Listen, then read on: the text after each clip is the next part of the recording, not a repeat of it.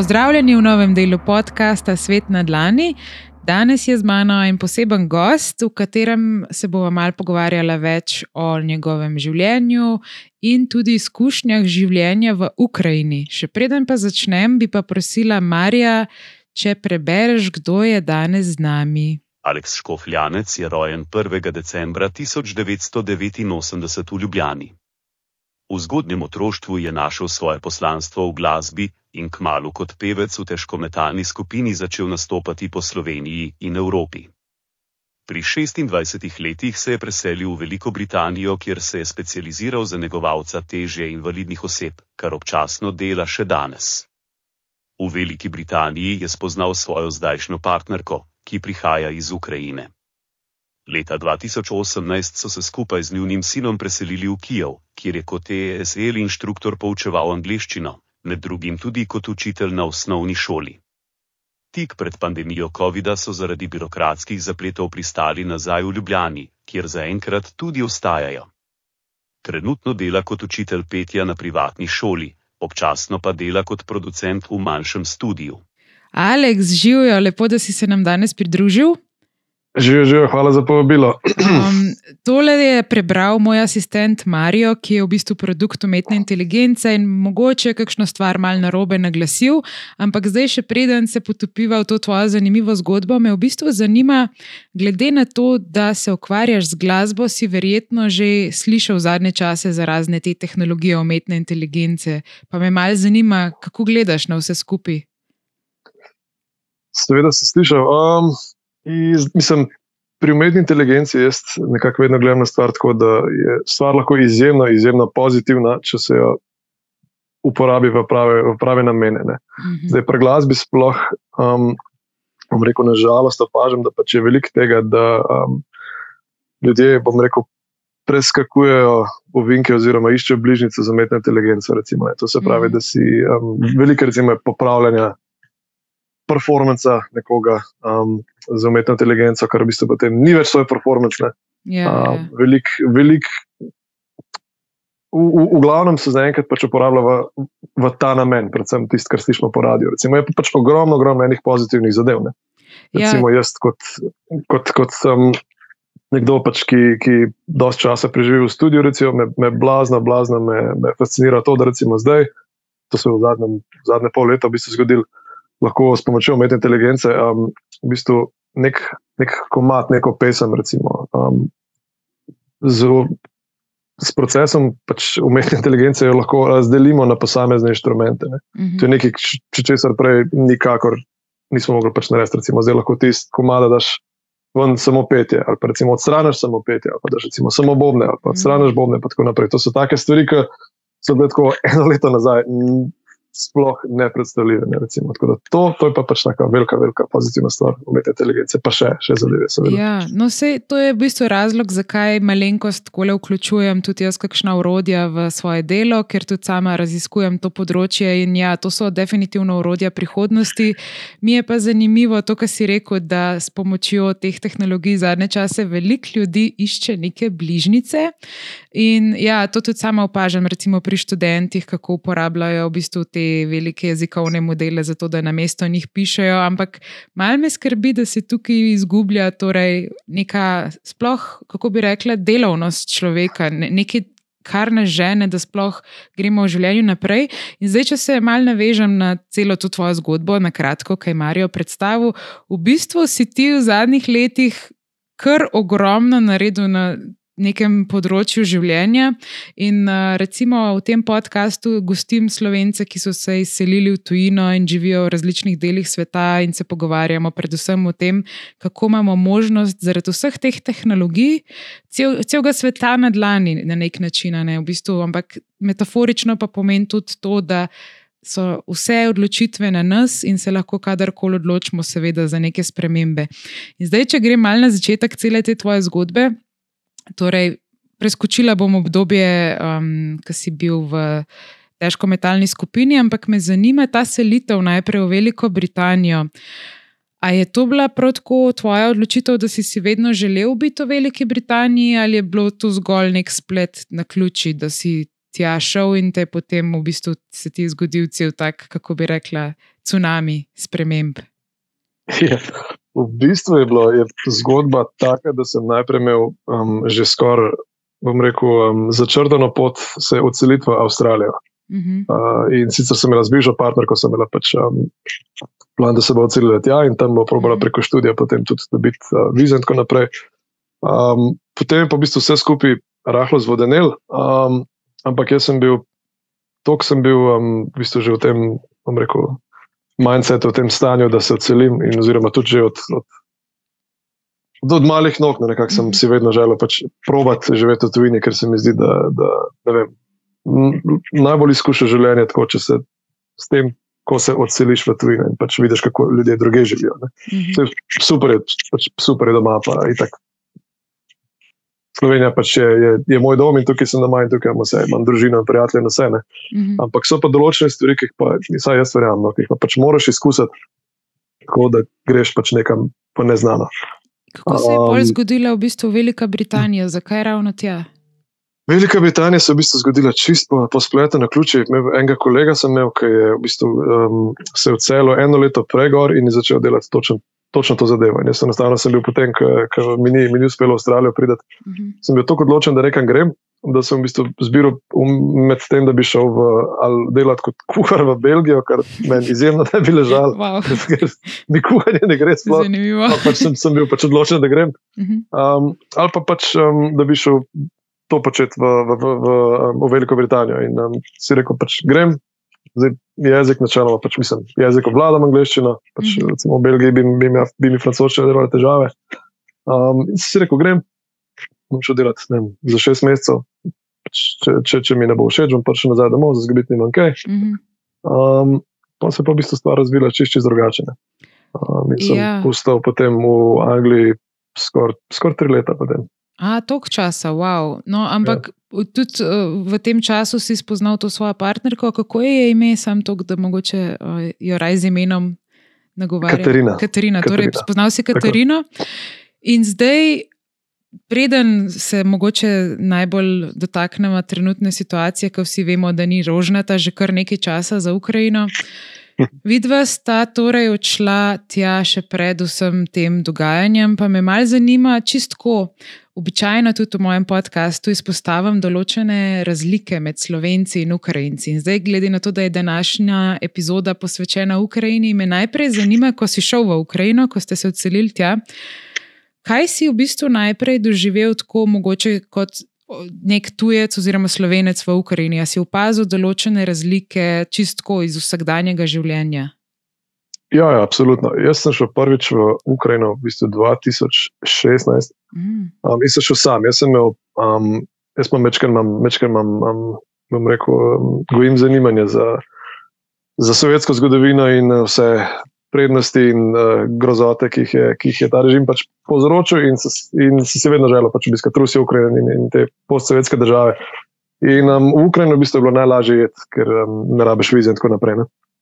Um, tako da sem šel tja že 2016, sam za en teden in sem imel v bistvu namen samo pogledati nek spomenik, malo videti mesto. Um, ampak moje pričakovanja so bila v bistvu zelo taka, vem, da bo pač to zelo, zelo um, vzhodnoevropsko, zelo nekako sivo betonsko, uh, pač neskončni bloki in tako naprej. Um, Ko sem prišel tja, me pa pač čist, čist zazul in šokiral. Da je bilo pač, da Kijo, recimo, pač kot mesto samo. Ker v bistvu, ko bom govoril v, v Ukrajini bom večino govoril pač o Kijevu, ker sem, ker sem mm -hmm. tam v bistvu večino časa preživel. Ne, um, ne pa pač čist, čisto zelo, ker je Kijev je pa absolutno metropola, moderna. Um, Koliko recimo nekak... ljudi pa živi v Kijevu za nekoga, ki nima pojma, da se ima? Kijev je. Poriše? Kijev je sedmo, če štejemo še Istanbul, pa um, Moskva, pa Sankt Petersburg, ki je sedmo največje mesto v Evropi. Mislim, da je uh. cirka 4 milijone ljudi živi v Kijevu, se pravi, kar, kar, kar veliko mesto. Um, veliko mesto, ampak izjemno, izjemno lepo mesto. In tudi, mogoče se bo slišal, da je malo, malo paradoksično, glede na trenutno dogajanje, pač izjemno varno mesto. Recimo, uh. Jaz sem dosti prepotoval po, po Evropi, pa po svetu. Pa skoraj moram reči, da recimo da se, se v Kijevu počutim zvečer ali pa čez dan, ali pa kadarkoli tako varno, kot se recimo počutim v, v Ljubljani. Kar je za, za neko tako veliko mesto, pa če kar, kar in impresivna zadeva. No, vsaj, vsaj Glede na to, da toliko ljudi živi tam, pa da je to veliko.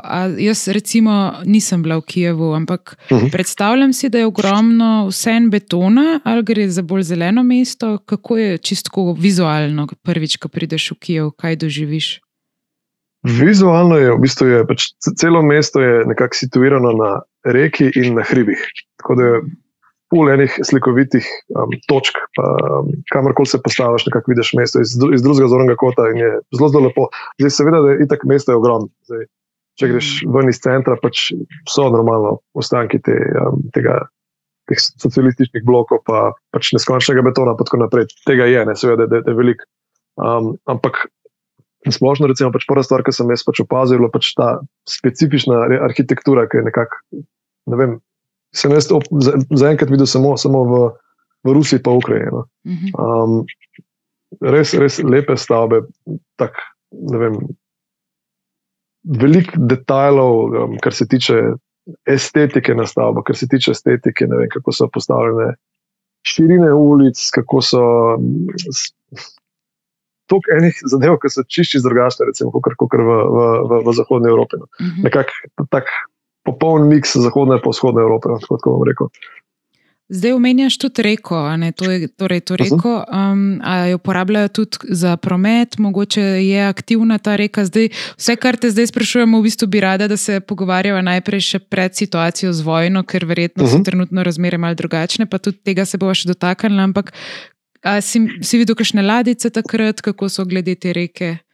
Je, je absolutno reka, v bistvu ful, ful široka. Um, je, je rečni promet na reki, recimo ena, ena izmed Mhm. stvari, ki je tudi ful, um, ki, ki mi je bilo ful všeč, je tako, da recimo imaš na reki so, pač, ker je res, res velika reka, so na reki otoki. Um, Oh, in imaš dostop do teh otokov in na teh otokih se pač tudi dogaja, imaš gor, ne vem, restauracije, polnih zadev, recimo.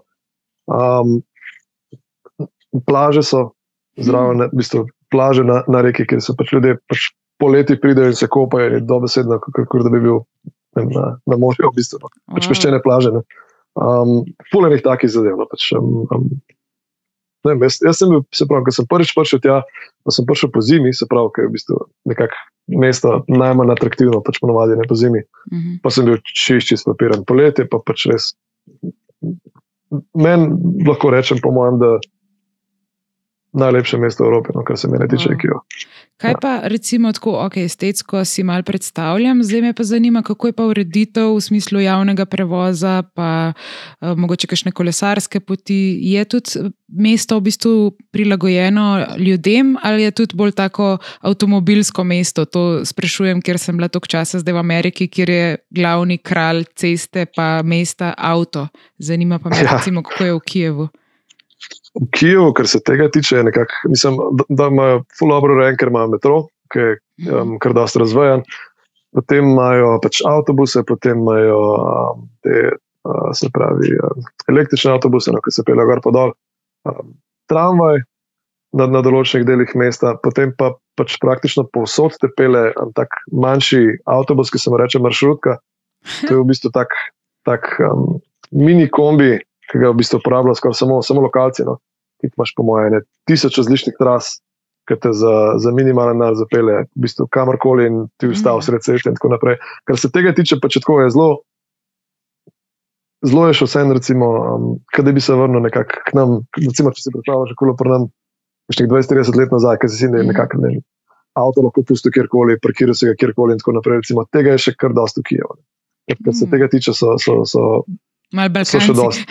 Tako, so, so, so še kar, so še kar balkanci, oziroma pač vzhodno evropejci. Ja. Mhm. Um, je pa pač ogromno, ogromno različnih, um, različnih um, kako bi rekla, različnih vrst prometa, pač, oziroma različnih vrst, uh, pre, pre, mislim, različnih prevoznih sredstev. No. Tako bi lahko v bistvu rekla, da mesto dobro organsko funkcionira.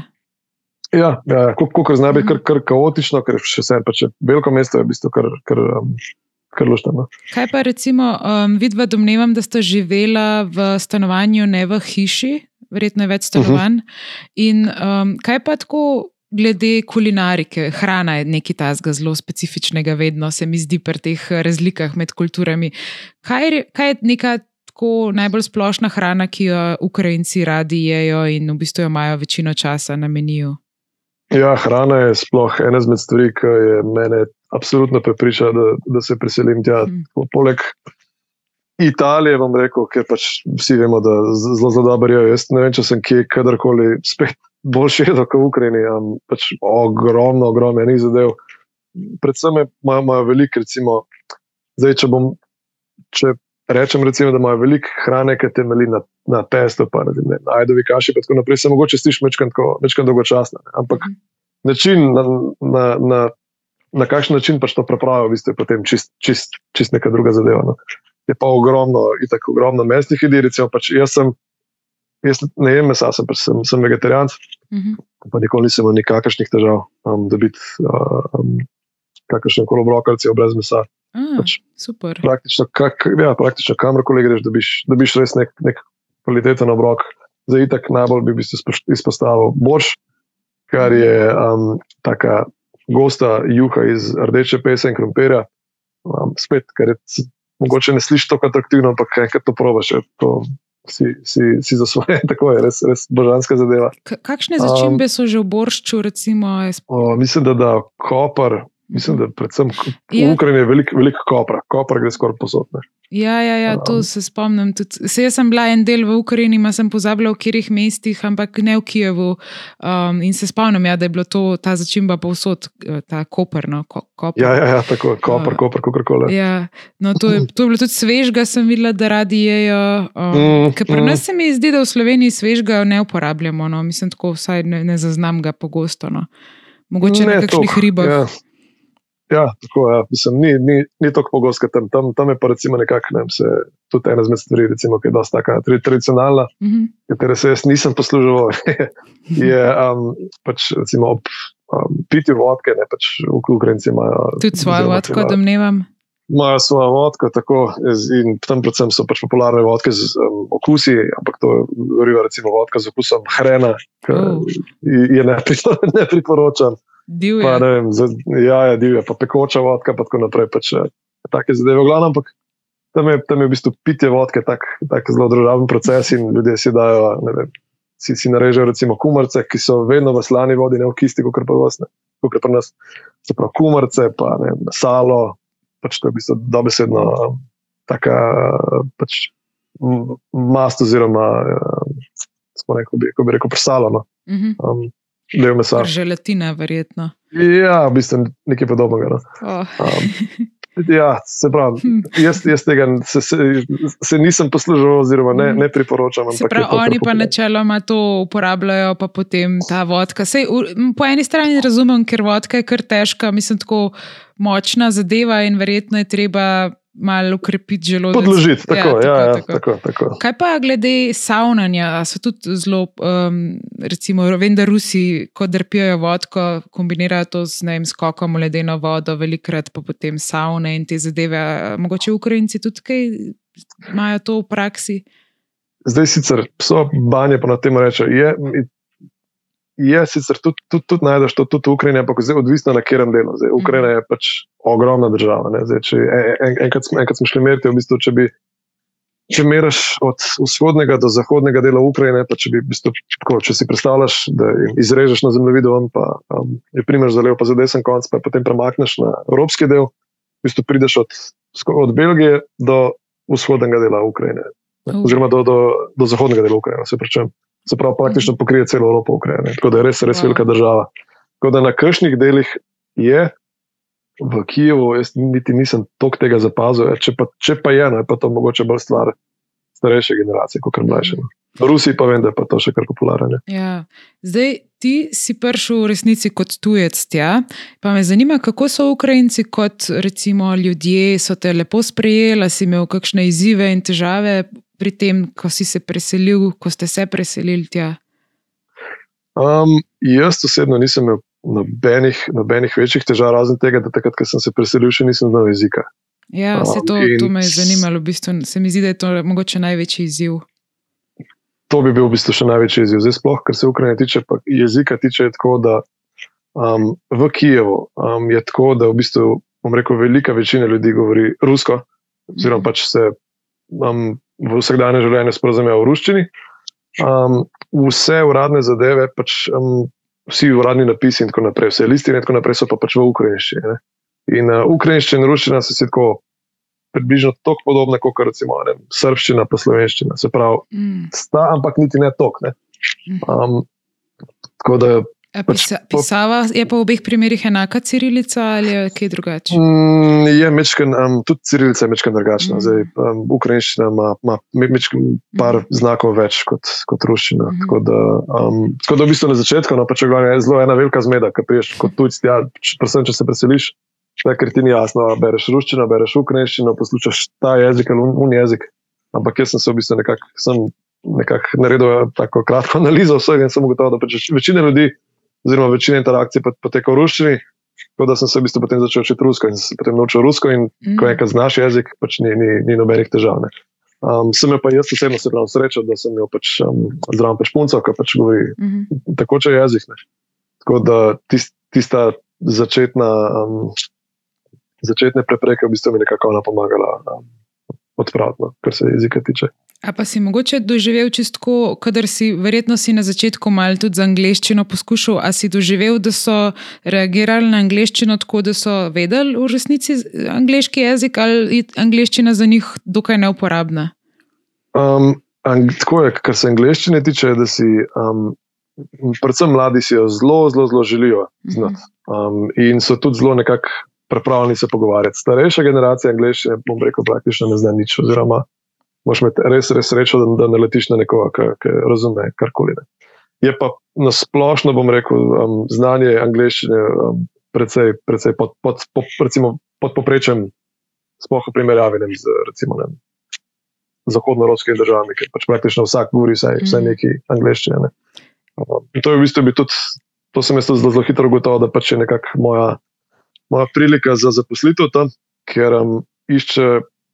Zelo se je takrat v tistem času iskalo pač učitelje angleščine, oziroma predvsem native speakerje. ne.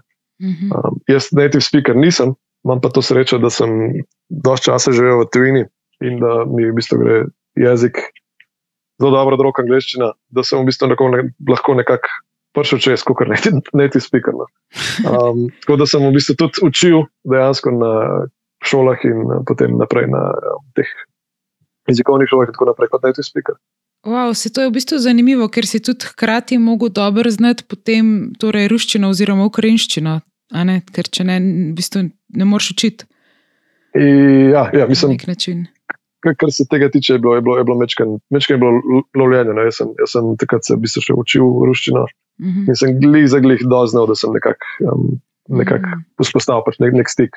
Razumem, Um, ja. samo pač, tudi, tudi recimo, sem imel, ne, v, v, ko sem učil uh, v osnovnih šolah, recimo mlajše, pač je tako, da pač otroci sploh zelo, zelo, zelo hitro se navadijo nekega, nekega jezika, oziroma zelo, zelo hitro pač pogruntajo, kaj jim govoriš, tudi, tudi če ne znaš jezika. Ne. Mhm. In recimo, predvsem, predvsem v osnovni šoli mi je bilo rečeno, prav, da naj sploh ne govorim po rusko, nič ne, da naj pač samo striktno pač, um, govorim po angliško. Zdaj, ker Čim bom začel po rusko govoriti, se bojo otroci nehali truditi, ne bojo pač takoj vedeli, da lahko pač proba z mano komunicirati po rusko oziroma ukrajinsko, karkoli. To drži. tako da sem, ja, tako da v bistvu in, in, in je res bilo, pač enostavno smo skozi. Skozi komunikacijo ohranili v angleščini in so se tam mali zelo, zelo hitro tudi naučili potem. Kaj pa recimo, mogoče te je kdo, domnevam, oziroma kar večkrat vprašal, iz kje si izvirno. In ko si rekel Slovenija, uh -huh. me zanima, kako so Ukrajinci reagirali na to, a so vedeli za Slovenijo, pa kaj so v bistvu komentirali na to dejstvo, da si slovenc. Um, spet čisto odvisno od generacije. Starejši so skoraj vsi vedeli, oziroma so vsi vedeli za Jugoslavijo. Uh -huh. Um, tako da, v glavnem, kader si rekel, pri Sloveniji so bili vsi, aha, Jugoslavija, točno, pač Tito, Jugoslavija in tako naprej. Ne. To, to, to je še kar, še kar prisotno v glavah starejših, starejše generacije. Um, mlajši pa pač čisto odvisno, no, zdaj nekako nasplošno se dogaja, kar rečem. Slovenija, pač večina najprej pač reče, aha, Slovakija, pa pač popravim, ne, Slovenija. Uh -huh. In potem, ko večkrat zložiš med Italijo, Avstrijo in tako naprej, potem se nekako ljudem, ljudem malo, malo, malo začne svitati. Um, ampak ja, pač, predvsem so bili pač vsi zelo, zelo um, pač, uh, šokirani oziroma presenečeni, pač, da, um, da govorim angliščino na, na nivoju, kaj govorim. In jih je tudi zanimalo, če pač vsi tam govorijo, pač tak, tak nivo angliščine v Sloveniji. Ja, ker meni je Kar bilo sem- recimo zanimivo, v prejšnjem delu sem se pogovarjala um, s Tajdo, ki je v Nemčiji živi že kar dolg.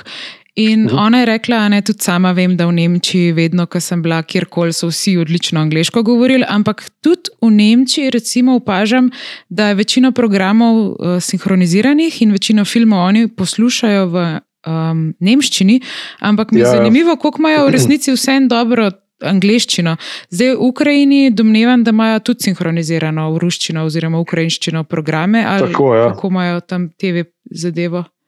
Je res, to, je, to, je, to, je, to se meni zdi zelo, zelo um, tak, tak velik minus, no, kar se tega tiče. Pač, ja, tam je čist, absolutno vse sinhronizirano v ruščini ali v ukrajinščini, tudi v kino, recimo, ko greš. Mm. Um, je pa to tako, da recimo zdaj, ko so mečke, bomo rekli, modernejši časi za njih tam, kar se tega tiče, je tako, da recimo, ko, so, ko so stvari sinhronizirane, je pač sinhronizacija na nivoju, kot je pri nas, se pravi, da je vsak vsako vlogo, oziroma vsak, vsak glas ima, ima, ima, ima tem svoj, svoj um, counterpart pač, um, mm -hmm. te, pač tega, tega, te, te sinhronizacije. Ne. Včasih, oziroma ne dolgo nazaj, si imel pa v bistvu samo en glas, oziroma enega človeka, ki je govoril vse glasove čez cel film. Ne boš verjel. Jaz sem odraščala v takih filmih, ker je pa moj oče Aha. veliko hodil v Rusijo, ker je bil trgovski no, potnik tako, in je ja, ja. prinesel ja. domov kasete in filme. In se prav spomnim, nikoli ne bom pozabila, ker sem Titanik prvič gledala, je bil v ruščini in vsi glasovi, vse glasove je bral en zelo naveličen ja, ja. Rus, ki je prav spomnil se prizora, ki sta bile Jack pa Rose v vodi in je bil tako on čiže naveličen, kot je bil na koncu. Ja in je bil samo tako, Jack, Jack, Rose, Rose, ja, ja. Jack, Jack, a veš, ko sta se drla drug drugemu. Ja, ja, to je no, tako naveličeno ja, ja. govoril. Ampak meni se je takrat zdelo, jaz sem bila še otrok, se mi to zdelo, da je to pač tako je. In pol se prav spomnim kasneje, enkrat. Čez par let, ko sem pol končno original gledala, sem bila totalno v šoku, kaj sem zamudila. Vse. Tako da Titanik me zame v bistvu nek tak uh, drugačen prizvok, kadar slišim za ta film, vse je super, ampak spomini na to ruščino, nikoli ne bom pozabila. Tako da zdaj sem vesela, ja, da so dobili kvalitetne študije, da sinhronizirajo in da grejo naprej. Je pa dejstvo, ja, da pač glede na to, da je vse potem sinhronizirano, vpliva tudi na znanje jezika. Ampak razumem, glede na to, da je to velik narod, da v resnici jim angliščina mogoče ne pride preveč prav. Ja, mislim, mislim, da dejansko pač, mislim, zaradi več razlogov. En, en izmed razlogov je sigurno tudi to, da nekako pač se je angliščina, oziroma pač, bomo rekli Amerika, ne, predvsem smatrala kot, pač, kot nekaj, nekaj, nekaj slabega, ne, pač mm -hmm. še ne vem, dve, tri generacije nazaj. In se aktivno pač ljudje niso tega učili, oziroma niso imeli niti, niti prilike, niti, niti ni imel smisla se učiti, ker si pač zavračal vse, kar je bilo zahodnega oziroma ameriškega. Mm -hmm. um, zdaj pa pač se pravi nekako na javnih šolah je poučevanje angliščine na, na, na precej slabem nivoju. No. Um, še vedno. Tako da pač jaz sem. Od, v mojem času, pač, uh, ko sem živel tam, je bilo pač ogromno, ogromno zanimanja za te jezikovne šole. Pač in, um, ogromno ljudi se je pač pravilo privatno naučiti pač angliščino. No, to, to mi je um, všeč, da imajo motivacijo, ker ja, dejstvo je, če se dodajajo jeziki in ta znanje jezika v resnici odpira mednarodne trge. Ja, absolutno, sigurno. Tak, mislim, zdaj, s, samo znanjem pač ruščine v, v, v, na zahodu pač ne prideš prav, prav daleč, ne rabiš, rabiš imeti nek, nek jezik, s katerim, s katerim se lahko pač sporozumeš tudi z ostalimi ljudmi. Ja. Zdaj, kaj pa recimo ti? Tvoje ozadje, večletno delovanje na področju glasbe, definitivno vpliva tudi na to, verjetno, s čim se srečuješ, pa s čim, s čim si se srečeval takrat v Kijevu. Pa me zanima komentar, mogoče malo na to, kakšno glasbo poslušajo Ukrajinci, pa kaj je trenutno, recimo, tudi popularno pri njih. Ej, jaz sem bil zelo, zelo šokiran, da je splošno rock glasba, oziroma rekel, trši rok, no, hard rock, izjemno, izjemno popularno tam, sploh mhm. pri, pri starejših generacijah. Um, v mojem času tam sem prišel na par, um, na par koncertov, pač in, recimo, nikoli ne pozabo, ko sem šel na koncert skupine Menor, to je pač neka heavy metal skupina iz Amerike, um, ki je v bistvu bila prvič v Kijevu in to je tako, pač govorimo proper, proper, pač metal muska, ne se pravi, ni, ni glik za vsega. Um, in so igrali v, um, v v neki dvorani Palat Sportu, se pravi, ki sprejme cirka 10 tisoč ljudi, je bilo nabito polno in od teh 10 tisoč ljudi je bilo, ko si se sprehajal vmes v, v dvorani, ki si je gledal levo, desno, je bilo tako Kaj je bil, ne vem, zraven tebe, ne vem, voznik avtobusa, potem je bila branjevka, potem je bil, ne vem, um, prodajalka iz, iz štacune, potem dejansko enkrat zgledal, kot pač, da posluša to glasbo. Mislim, tako res ljudje ne zgledajo, da, da poslušajo to, ampak jaz sem bil šokiran, ampak tako ne tisti, da so ljudje prišli sam ferca, ampak tako ljudje so res znali besedila in pel zraven vse. In mislim, jaz, jaz sem čist, čist, čist sem bil pafna, ko sem to videl. Oh, wow. Um, drugače pa pač fulje, fulje, pač predvsem je. Um, v Ukrajini, pač pred, se pravi, govorimo pred vojno še eno, um, pač popularna um, sovjetska, oziroma pač, uh, veliko velik ruskih uh, izvajalcev, veliko ukrajinskih izvajalcev, veliko sovjetske muske. V glavnem večino, večinoma dominira rusko, um, rusko govoreča glasba. Zdaj, po vojni, se to večkrat začne spremenjati, ja, pač ljudje večkrat bojkotirajo um, ruščino. Mm -hmm. um, ampak prej pa v bistvu, pač, če, če priješ radio, bom rekel, je bilo ne moč desetih komadov jih je bilo devet, devet uh, v, v Ruščini. No. Domnevam, da ostalo, kar je, je bilo ameriške glasbe ali niti ne tok. Um, v bistvu je bilo ameriške glasbe, ker je bilo tudi dost turške glasbe. Wow. Um, ker pač Turčija je, kot se nam ne zdi, pač direktno spodaj pod Črnim morjem, ne Ukrajine. In ima ta, je tudi, recimo, kar se hrane tiče, pač veliko velik hrane, oziroma veliko velik, um, veliko pridihov v, v um, spoh na jugu dol v Ukrajini, kar se kulinarike tiče, pač prihaja iz Turčije. Uh -huh. um, razni turški, pač turški med in, in, in halve in, in take zadeve. Um, tega ima pač v Ukrajini tudi, tudi kar precej, pač to v bistvu vse pač iz, Turčije prihaja. Tako da tega je bilo precej, potem kakšna gruzijska glasba bi tudi znala biti vmes. Um, tako da v bistvu je, je kar tak mešan, mešan nabor. No. Je pa absolutno tako, zdaj spoh, um, imaš, imaš določene pač postaje, oziroma pač določene kanale, ki so pač pred, predvajali večinoma samo pač ameriško, oziroma popularno glasbo. No. Ampak tudi to sem opazil, da v bistvu so bili hiti, oziroma komadi, ki so bili recimo na lestvicah tam med top 10, mm. niso bili na top 10, recimo v Angliji ali po Sloveniji, ne. ampak so bili mečkaj, mečkaj drugačni. Se pravi, še vedno ameriški izvajalci, ampak drugi komadi, kar je tako, se mi zdi kar zanimivo. Ja, domnevam, da vse te recimo, razlike malo tudi doprinesejo k temu, da so res drugi vplivi, že jezikovni, pa verjetno tudi nek ritem, pa ne vem, tudi inštrumenti, konc koncev, verjetno so malo drugačne. Osnovne zahteve in želje, kaj si želijo, ker so odraščali vseeno v nekem drugačnem ja, okolju. Ja, je res. Mm, je res, je res, ja. kar se tega tiče, absolutno. Aleks, omenil si recimo že zdaj v povezavi z glasbo, da se je malenkost spremenilo zavedanje, kaj je recimo rusko in Rusija, verjetno trenutno je kar, mislim, z nekimi razlogi, definitivno nezaželena v Ukrajini. Pa bi rada zdaj mal potipala to področje po vojni oziroma trenutne vojne. Najprej glede glasbe si omenil, da bojkotirajo torej ruske avtorje. Zdaj pa, nažalost, se v slovenskih medijih, pa tudi v evropskih medijih, malo trenutno stanje, bi kar rekla, pozablja, kaj se dogaja v Ukrajini, zato ker so tudi, recimo, ta vojna v Izraelu zdaj aktualna in še poplave in ne vem, kaj vse. A lahko mogoče poveš za naše poslušalce, kakšno je sploh trenutno stanje v Ukrajini? Ja, seveda, stanje v Ukrajini v bistvu je nekako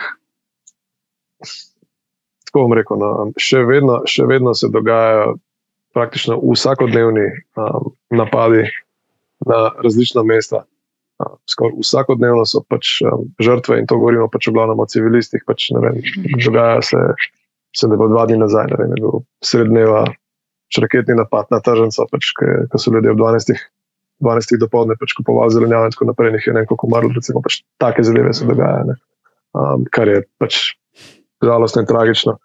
Um, vse skupaj se je mečkan bolj, um, mečkan bolj se, bom rekel, preselil na, na um, vzhod, se pravi na, na, na regijo, ki jo imenujemo Donbass, tam v bistvu, kjer se tudi največ dogaja. No. Um, na začetku pač je bilo v bistvu bolj kot ne pač izredno stanje po celi Ukrajini, ker pač. Mm. Govorimo o, o res, res veliki državi, tako da po vseh obseh tega res ogromne. Um, zdaj se vse skupaj mečem bolj lokaliziralo, ampak um, še vedno je tako, recimo, da ne vem. Jaz, jaz si v bistvu, si, si, um, da bi šel recimo z družino tja na obisk, si praktično si ne upam, da zaenkrat še ne. Mm -hmm. Ker um, še vedno se dogajajo pač random napadi, tudi v Kijevu, vsake tok cajt, pač um, na zikru enkrat na teden, ne vem, se strelijo, ne vem, tok in tok raket in dronov in teh zadev in pač ni, ni glih, ni glih. Glih okolje. Ne na- vem, da imate tam tudi del sorodstva v bistvu po partnerkini strani. Ja, zdaj sem partner, ki je um, iz Mariupola. To je mesto, ki je v bistvu trenutno, um, ki je bilo med vojno praktično čišči sporušeno in je trenutno pod rusko okupacijo. Se pravi, to je čist na samem, samem um, vzhodu Ukrajine. Um, in uspel nam je njeno babico pripeljati sem v Slovenijo, to je bilo v bistvu takoj po, po, po prvih mesecih vojne Mhm. um, ker je bilo pač tam, tam je bil res, res, res, res kaos, res pač vojno stanje v, v, pravem pomenu. Um, so pa še sorodniki, ki pa še vedno živijo tam, ker enostavno imajo ne vem, težave, recimo, so, so, so že starejši in pač bi enostavno bi, bi, bi jim pot predstavljala pre, pač preveliko težavo.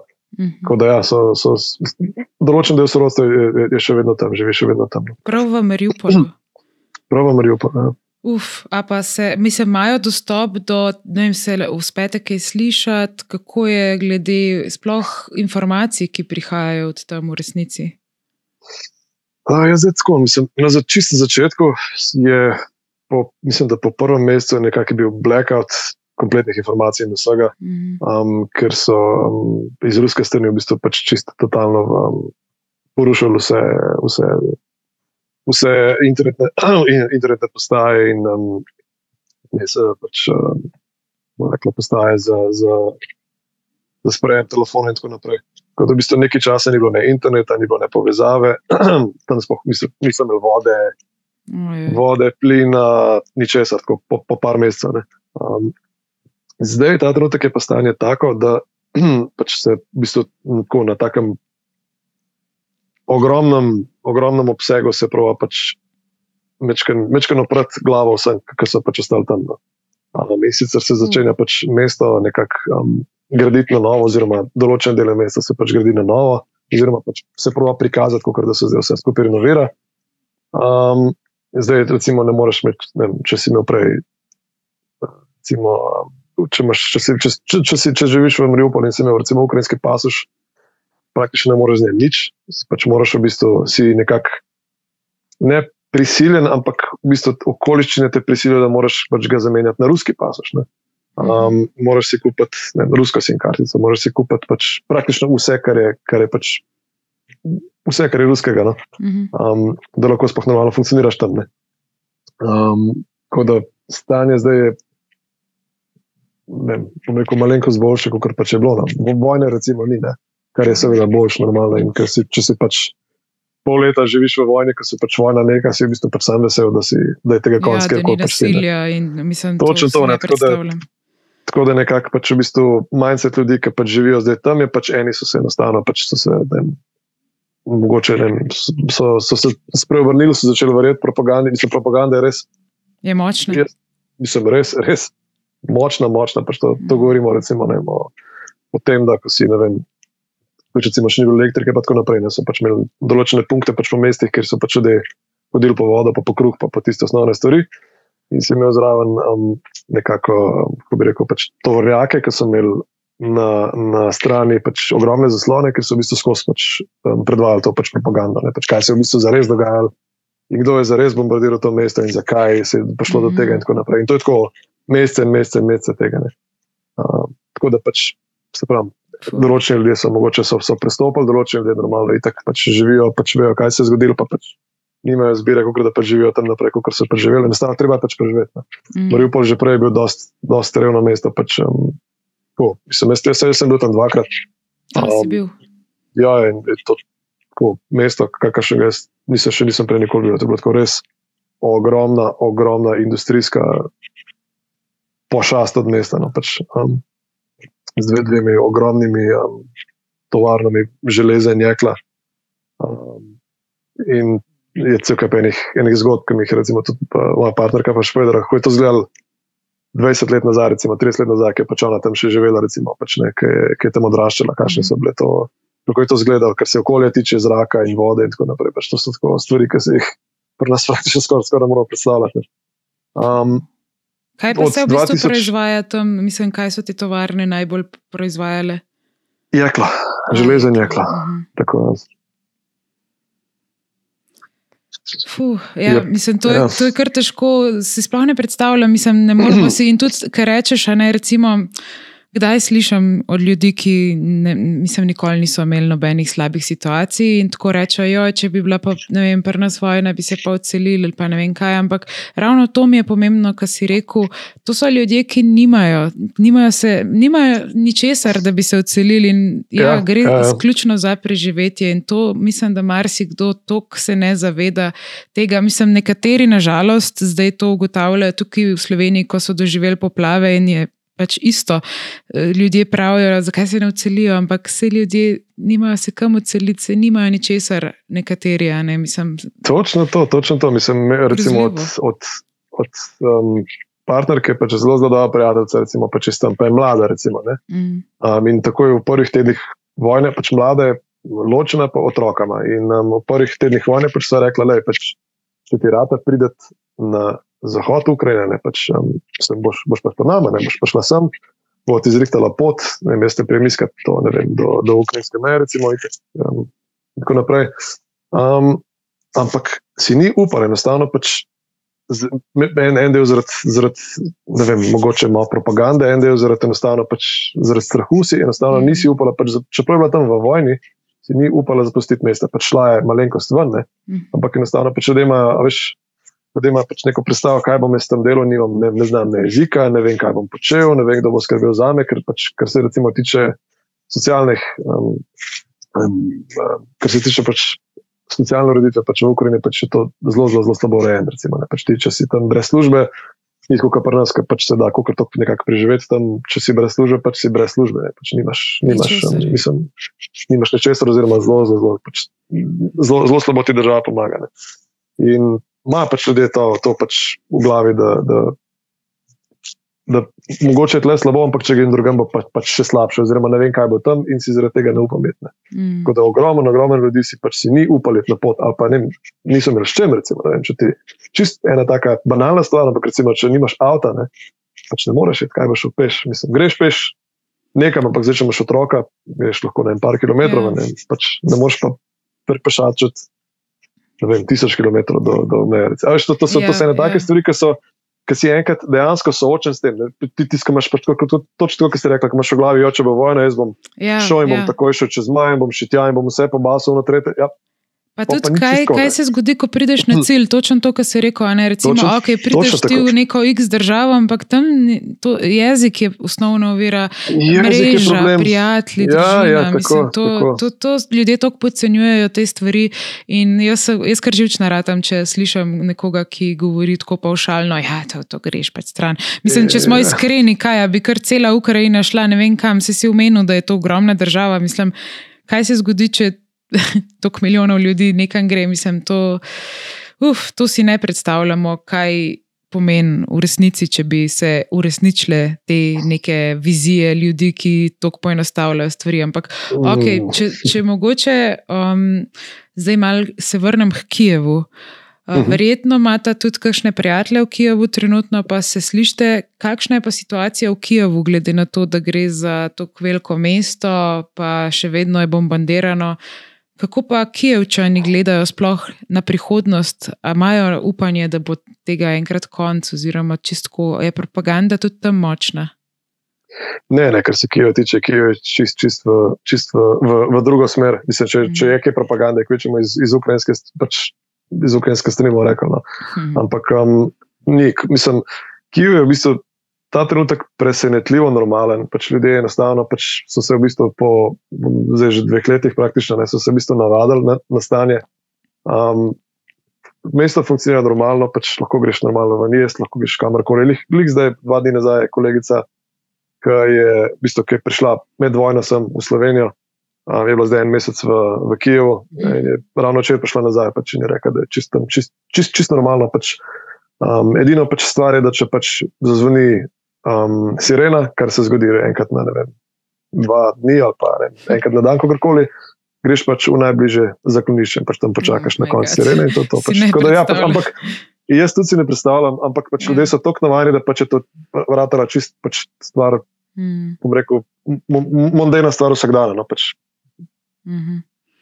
Tako Da, Uf. ja, mislim, presenetljivo je to, da, da, da, da se tudi take stvari se po tokem času enostavno navadiš. No.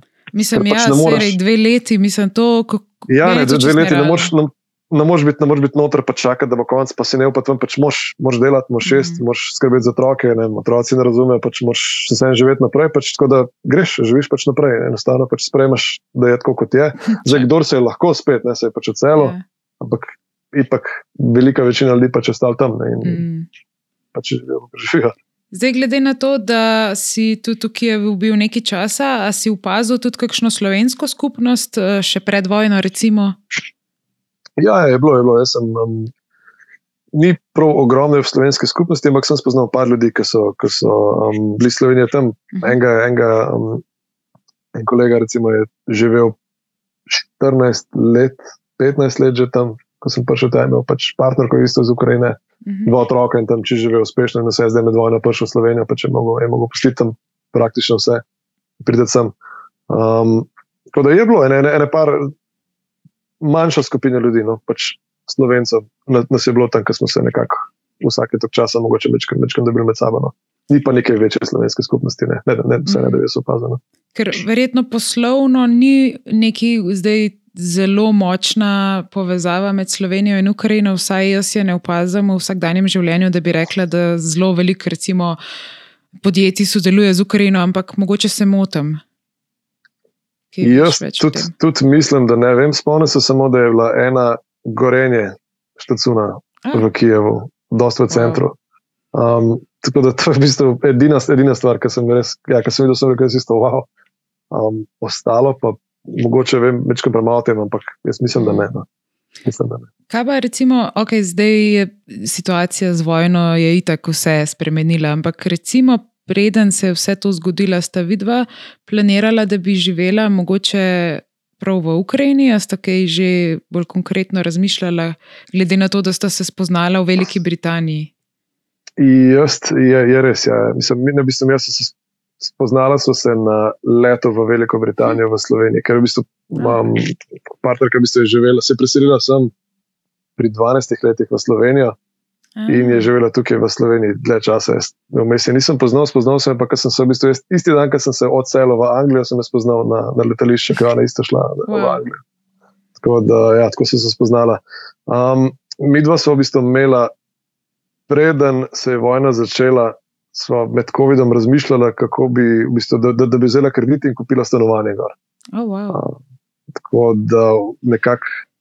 Jaz sem kar dosti forsiral to, da bi, da bi pač to šlo, ker mi, jaz sem se enostavno, ko sem bil, sem se zelo pač v, v, v mesto, v način življenja, v tempo, v velikost. Pač men, za me osebno pač je bilo, jaz sem najdel mesto, kjer, kjer, kjer bi rad bil. No. Pač meni, meni je bil Kijev perfekten, kar se, kar se teh stvari tiče.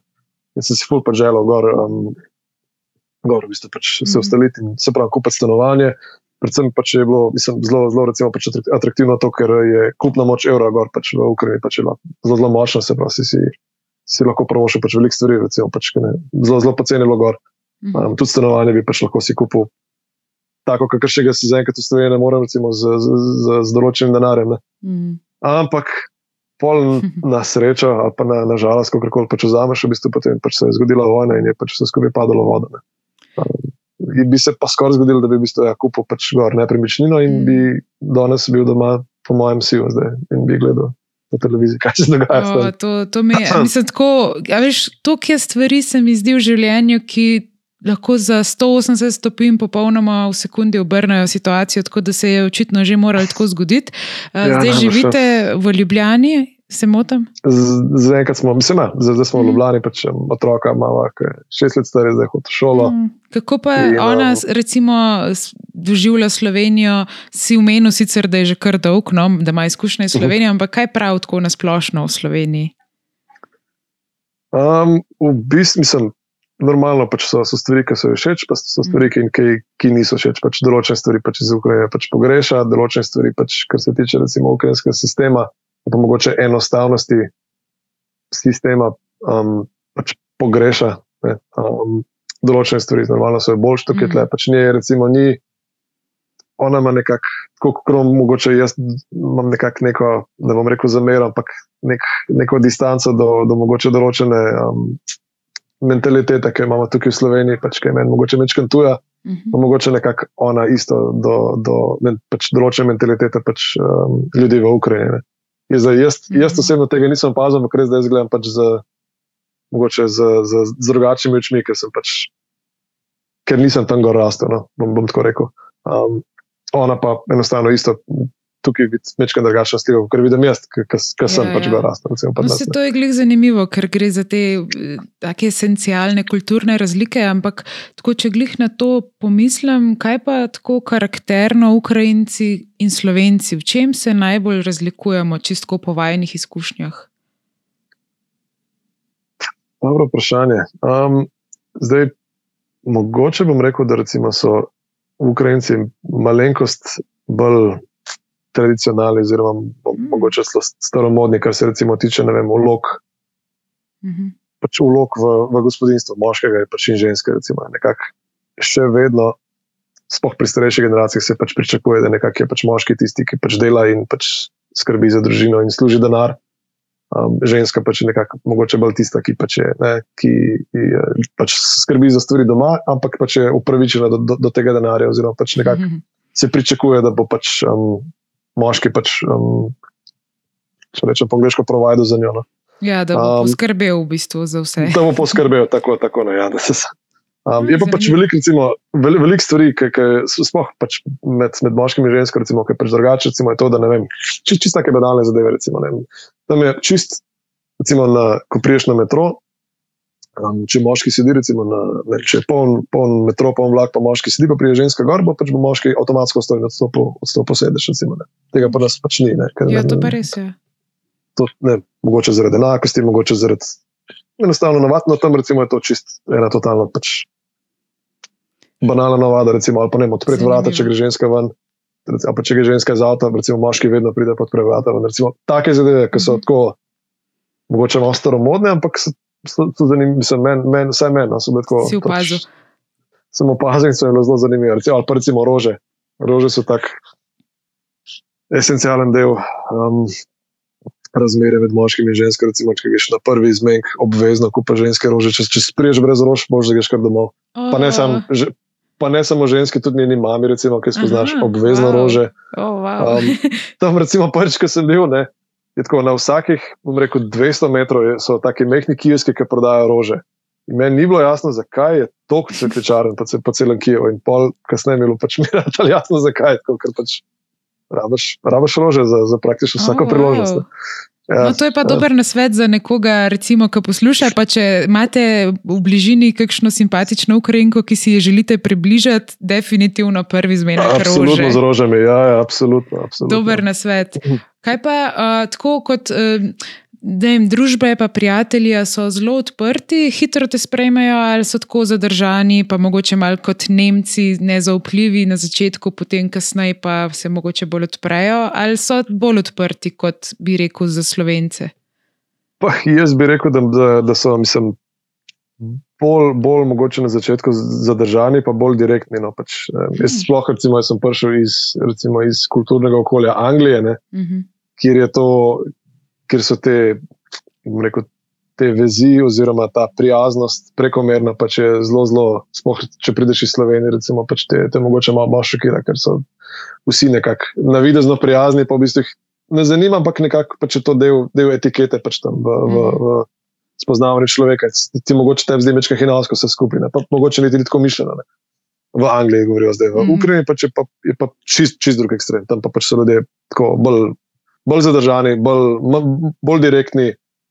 Nekako na začetku ne, ne dobiš občutka, da bi, vem, da bi kdo rad s tabo kakšen kul stik sploh navezal, pa karkoli. Um, ampak, ko pa enkrat navežeš, pač, ne, pa tako imaš občutek, da pač je to nekaj, kar, kar pač je trajnega. Ne. Si njihov. Um, Da, dobesedno si, si, si pač njihov, ja, v bistvu res. Je. Kaj pa recimo še to glede humorja, ker humor je nekaj, kar se mi zdi, da se precej razlikuje od države do države. Kakšen tip humorja pa imajo oni, tako kakšne hece, pa vem, način, kaj jim je sploh zanimivo, pa smešno? Dobro, dobro vprašanje. Um, je, mislim, humor je zelo, zelo velik. Um, je pa tudi, spoh ne, kako bi rekel, tako specifičen, dry humor. No? Um, bi, bi, bi jaz temu rekel, pač, um, spoh, ne, vem, ne vem, kako bi iskreno, kako bi, kako bi čist, mm -hmm. čisto pisal. Uh, ampak je, pač humor je kar precej. Um, in nekako v Rusiji in v Ukrajini sem opazil pač podoben, podoben pattern. Mm -hmm. uh, ampak zdaj, čist, da bi da, dal nek primer, se skoraj. Ja, je težko. Skoraj zelo težko. Ja. Ampak tako ti, recimo, si ga razumel, ti je bil prijeten um, in si nekako ja, ja, se vključil noter. Absolutno, absolutno. Ja, je, velik, velik, ne, velik sarkazma in tega, no, pač velik, velik, mm -hmm. velik šalja na, na svoj račun in tako naprej. Je, je, je. No, to, to mi je všeč. Res mi je žal, da je situacija takšna, kot je, ker tudi sama sem šla mal pred vojno v tiste konce in mi je bilo zanimivo, in sem si rekla, si moramo vzeti čas in še malo bolj raziskati ta predel. Dejansko sem planirala, mislim, da eno leto pred vojno, že mal, da bi uh, šla mogoče neko potovanje z vlakom po Ukrajini, pa v različne konce. Potem sem tudi ugotovila, da imajo zelo lepe plaže. Pa ta, pač, mislim, ta naravni del mi je tudi všeč, ker rada pohajam po hrbovju in to, ampak Ja, mogoče bomo vsi morali malo še počakati, upam, da seveda bo to čim prej konec. Um, Najna ura se počasi steka, pa me samo zanima, če mogoče lahko svetuješ, a se da v tej fazi karkoli še pomagati Ukrajini. Ne vem, kakšna je trenutna situacija glede tega, ker vem, da smo pač pred časom zbirali različne stvari, od osnovnih življenjskih pripomočkov, pa vsega tega. A je trenutno potreba po teh stvarih? Um, mislim, zdaj potreba najbrž da je, no? mislim, mm. oziroma sigurno pač potreba je, ampak v bistvu nekako, kar jaz opažam, pač je ta trenutek tako, da um, tisti, nekak, ki so bili najbolj potrebni pomoči, v bistvu so, so, so se. Če so uspeli priti v, v, v evropski del, pač nekako je, je bilo za njih, mislim, jaz, jaz sem bil pač kar, kar navdušen, kar se tiče pač pomoči za, za, za pač begunce, ker tako vemo vsi, da so na začetku to pač samo ženske in otroci. Um, jaz mislim, da v bistvu je bilo, kar se tega tiče, pač pomoči ogromno. Um, ta trenutek, pa nekako, kar vidim, v bistvu pač ljudje bolj kot ne zbirajo pač za, za razne operacije, oziroma za razne zadeve, pač, ki, oziroma za razne pač manj prijetne, oziroma žalostne novice, ki pač prihajajo z fronte. Ne, za ogromno, itak, praktično vsak Ukrajinec ima nekoga, ki, je, ki se trenutno bori na. Na fronti. Mhm. Um, in pač velike, velike nesreče, velike min in raznih in, in drugačnih zadev, pa še veliko poškodb. In v bistvu pač večina, ko pač, pride do mene, pač nekako ljudje prosijo pač v bistvu za, za denarno pomoč, za, za operacije oziroma za razne zdravila in tako naprej. Ja, pa, pa mogoče lahko svetuješ. Kje sploh lahko najdemo te informacije, ker domnevam, da je ogromno nekih tudi lažnih stvari, ali pa ne, vem, ne dobimo niti teh informacij. A obstaja neka točka, kamor lahko ljudje sploh pogledajo, recimo na internetu, da bi mogoče lahko karkoli pomagali? Obstaja, ampak ta trenutek, zdaj iz glave, čisto iskreno, ne bi znal več povedati, ker jaz okay. v bistvu nekako sem, sem vedno, ko sem pač, um, prišel do teh kanalov, sem v bistvu prišel pač preko osebnih poznanstv. Uh -huh. um, in v bistvu ljudi, ki so, ki so pač poznali te, te, te točke, oziroma so pač osebno poznali nekoga in so pač prosili mene, in, oziroma -huh. um, mojo vem, moj, um, moj, moj, moj krok pač prijateljev za, za, za pomoč. Vem, da sigurno, sigurno pač obstaja tudi, tudi um, uradne strani za to, no, ampak jaz čist, čist iskreno zaradi glave. Okay, mogoče, mogoče lahko to jaz tudi dodam v opis epizode kasneje, če se tudi ti uh mhm. -huh. spomniš, pa jaz bom še malo pogledala. Mhm. Zdaj bi pa mogoče jaz to vse skupaj zaključila, predvsem z mislijo, da mogoče kdor ne more drugače pomagati. Mislim, da je najboljša pomoč predvsem razumevanje do ljudi, ki so prišli iz Ukrajine in so že kar nekaj časa med nami. Jaz osebno poznam par zgodb in vem, da imajo še vedno določeni ljudje malenkost težav, predvsem zaradi, vse se trudijo zelo, ampak jezik je iskreno vedno najtežji del na hiter se ga naučiti, predvsem pa mm. pač imajo valjda svoj naglas, ne se ljudje so tujci, ki se trudijo biti v Sloveniji in živeti tako kot uh, družba, da se vključijo v družbo, ampak največ v resnici, kar lahko naredimo, je, da jih sprejmemo, da jim pomagamo in da poskušamo biti predvsem res razumevajoči, ker moramo si predstavljati, da smo mogoče lahko kdaj v prihodnosti, glede na situacijo v svetu, sploh se mi ne zdi to tako nenavadno, da bomo tudi sami nekega dne v neki tuji državi in upam, da bo takrat razumevanje tudi do nas tako, kot ga zdaj. Poskušamo dati tem ljudem. Tako da, Aleks, jaz se ti res zahvaljujem za ta pogovor. Upam, da bo kdo ki je to slišal in pozna koga, ki je prišel iz Ukrajine, mogoče mu še bolj stisnil roko in ga razumel tudi zaradi tega, kar si danes delil z nami. Tako da ti se zelo zahvaljujem. Zdaj pa mogoče čist, čist X tema, sicer zdaj smo se največ v Ukrajini pogovarjali, ampak ti si tudi inštruktor petja na privat glasbeni šoli. Imam to pravo informacijo? Je res, je res. mogoče lahko samo za konec namigneš, kje te lahko najdejo, oziroma če koga zanima malenkost več v tej smeri še. Ja, sigurno. Um, jaz trenutno poučujem petje um, v praktično vseh, v, za vse starosti na Metal Rock Akademiji. Um, to je, tako, to je um, bistvo, privatna akademija oziroma privatna glasbena šola, ki poučuje v glavnem kitaro. Um, jaz pa pač um, učenje pete še zraven.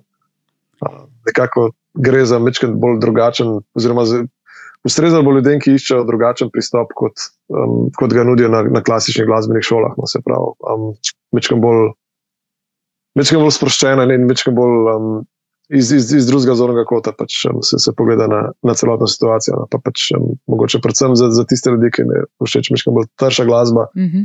Mogoče se ne najdejo v notah in, in teh zadevah, oziroma samo v notah in v striktni teoriji um, nekako spravo mečka na zvrniti zadeva pač in, in jih naučiti um, nekih osnov in jim dati neko samo zavest za naprej. No. no, to mi je odlično, tudi to bova polinkala v epizodo. Tako da, Aleks, res najlepša hvala in želim ti lep večer še naprej.